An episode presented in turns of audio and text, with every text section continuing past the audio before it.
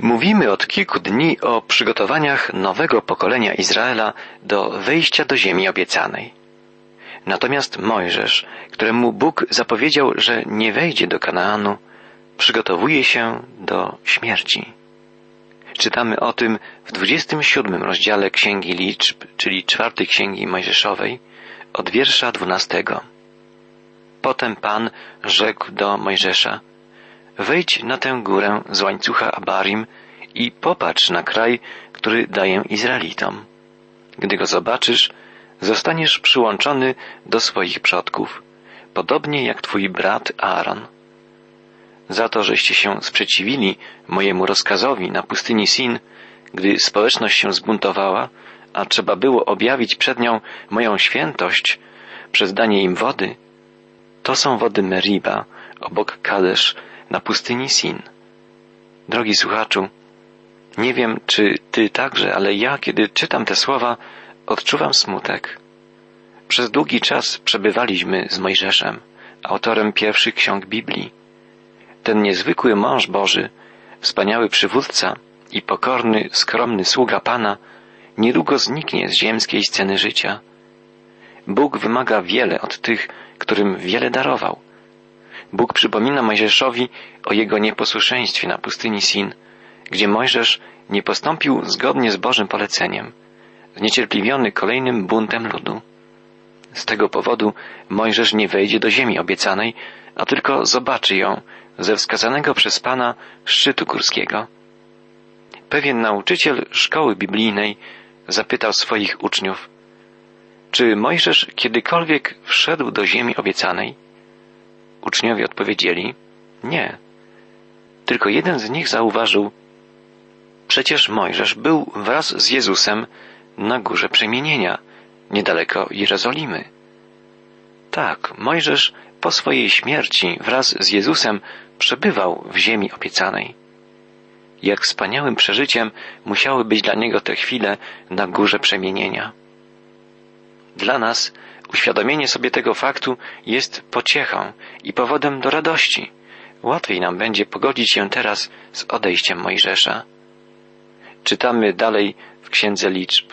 Rzekł więc Mojżesz do Pana, O Panie, od którego zależy życie wszystkich istot, wyznacz do kierowania społecznością męża, który by na jej czele wychodził i wracał, wyprowadzał ich i przyprowadzał, by społeczność Pana nie była jak stado bez pasterza.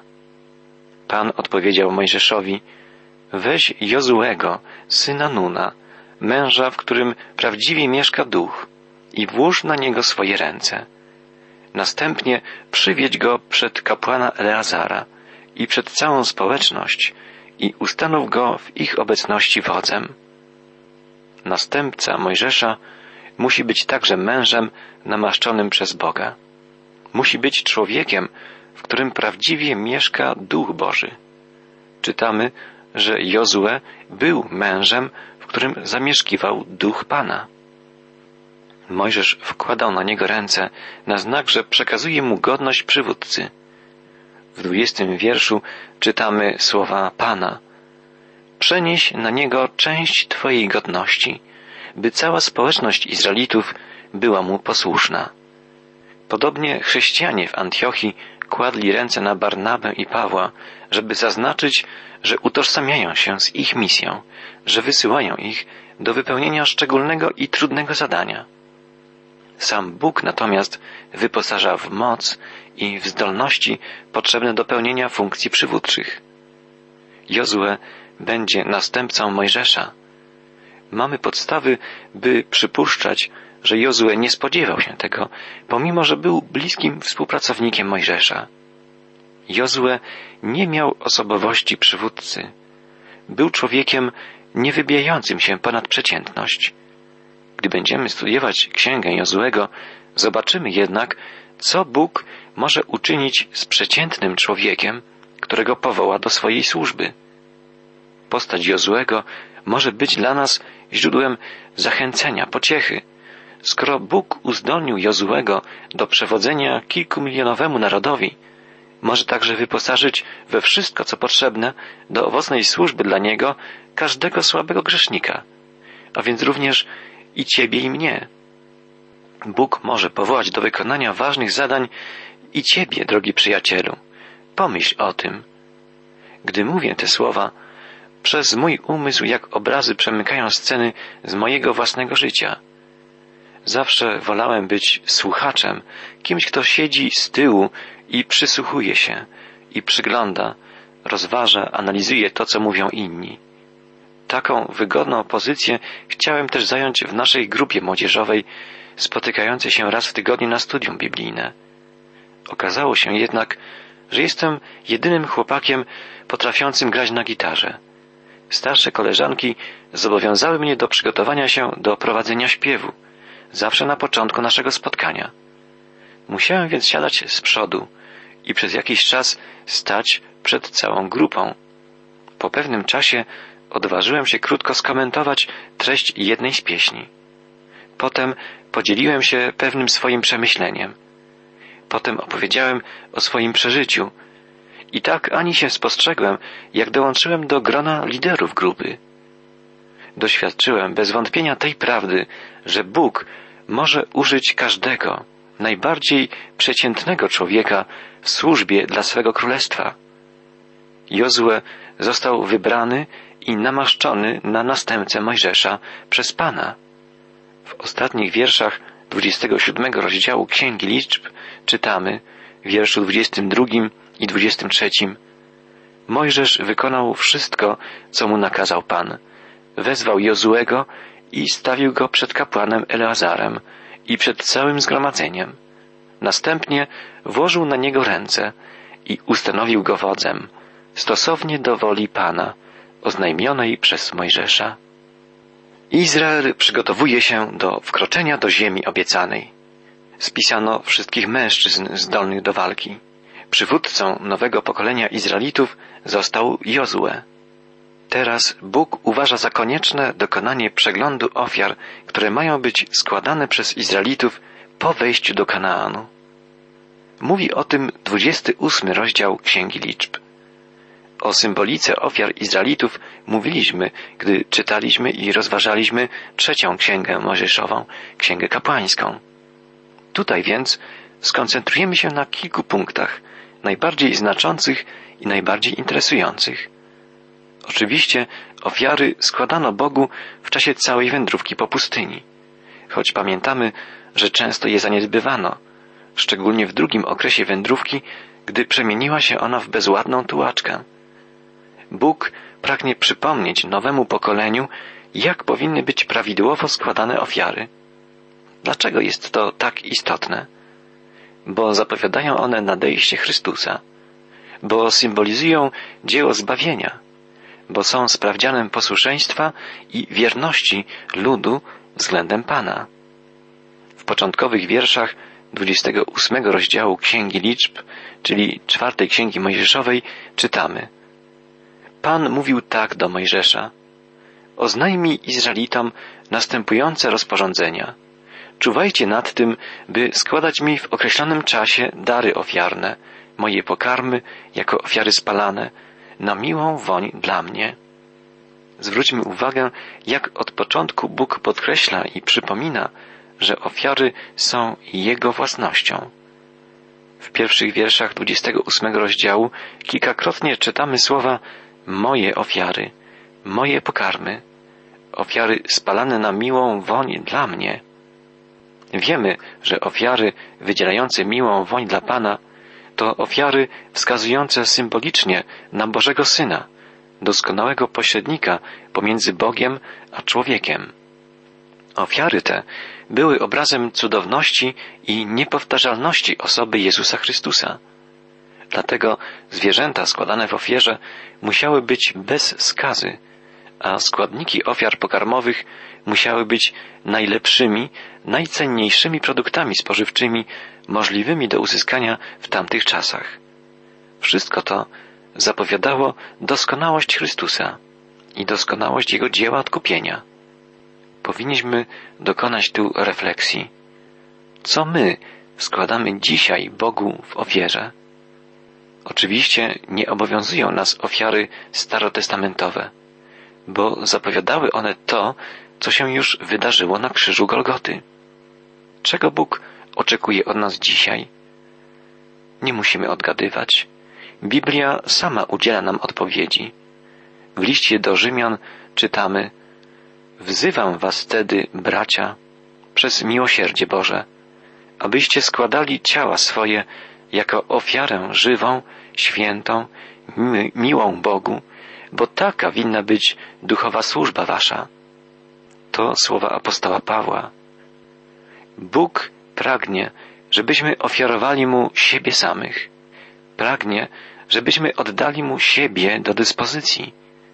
W innym miejscu Słowo Boże wzywa nas, żebyśmy dali Bogu z siebie wszystko to, co najcenniejsze, nie to, co pospolite.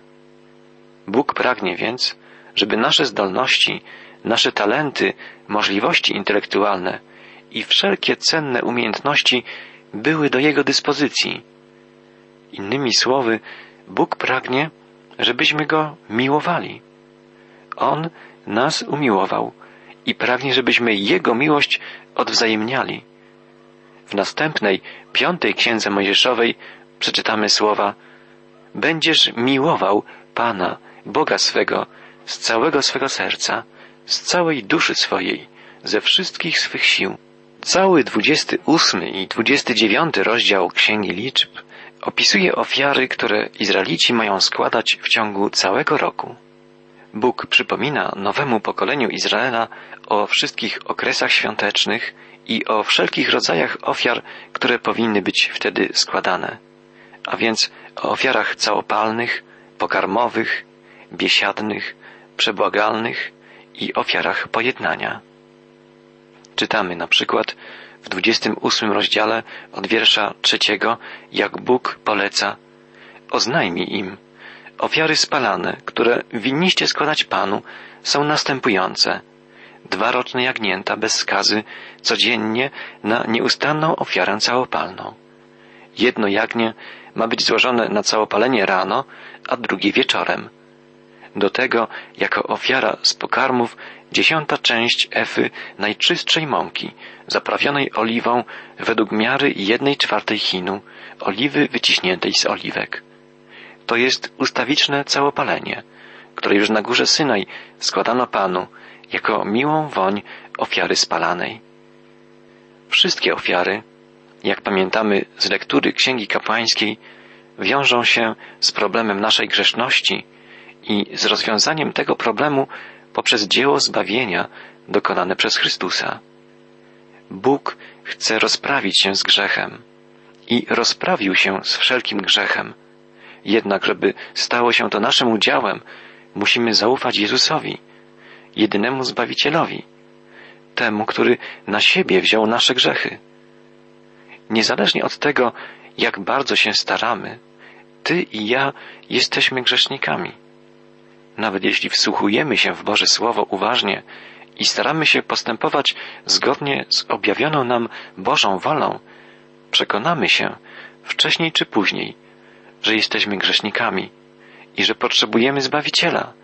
Potrzebujemy Zbawiciela, który zmarł zamiast nas i zapłacił karę za nasze grzechy. Grzech przyniósł na świat smutek, łzy i złamane serca. Bóg nienawidzi grzechu. Bóg ciągle przeciwdziała bezkompromisowo, bezwzględnie, bezustannie przeciwko grzechowi. Bóg czyni wszystko, by usunąć grzech ze świata, który stworzył. Grzech wszedł na świat wskutek nieposłuszeństwa człowieka. Bożym zamiarem jest zupełne wyeliminowanie grzechu i za to powinniśmy mu być wdzięczni. Grzech powoduje przerwanie naszej łączności z Bogiem. Powinniśmy więc być zasmuceni, ilekroć zgrzeszymy. Powinniśmy być zasmuceni. Czy mogę Cię zapytać, drogi przyjacielu, kiedy ostatni raz płakałeś z powodu grzechu, który popełniłeś? Czy w ogóle płakałeś już z powodu swoich grzechów? Czy wyznawałeś Bogu swoje życiowe błędy, swoją bezduszność, swoją duchową oziębłość, swój egoizm, swoją pychę? O, jak bardzo potrzebujemy szczerej rozmowy z Bogiem. Nie dlatego jesteśmy daleko od Boga, że On jest gdzieś wysoko, a my tutaj nisko. Nie. Nie dlatego, że On jest wielki, a my mali, że On jest nieskończony, a my śmiertelni. Jesteśmy oddaleni od Boga z powodu naszych grzechów. Sam Bóg mówi nam, że to nasze grzechy oddzielają nas od Niego. Czytamy o tym w Biblii wielokrotnie. Czy płaczemy z powodu naszej grzeszności? Gdy patrzę wstecz w swoje życie, widzę wiele potknięć, wiele błędów. Nieraz zawiodłem Boga, nieraz zawiodłem ludzi. Owszem, starałem się Bogu służyć, starałem się prowadzić do Niego innych, starałem się pomagać najbardziej potrzebującym. I nieraz Pan te moje starania błogosławił i nadal pragnę Mu wiernie służyć. Ale kiedy pomyślę o wszystkich tych sytuacjach, w których zawiodłem Pana, to chce mi się płakać nad moją słabością i grzesznością. Jednocześnie moje serce przepełnia wdzięczność. Wdzięczność do Pana za Jego miłosierdzie, za Jego przebaczenie. Wyznałem Mu swoje grzechy i wyznaję je stale. On jest Bogiem przebaczającym i Bogiem miłosiernym. Właśnie taki obraz Boga widzę we wszystkich ofiarach składanych przez Izraelitów.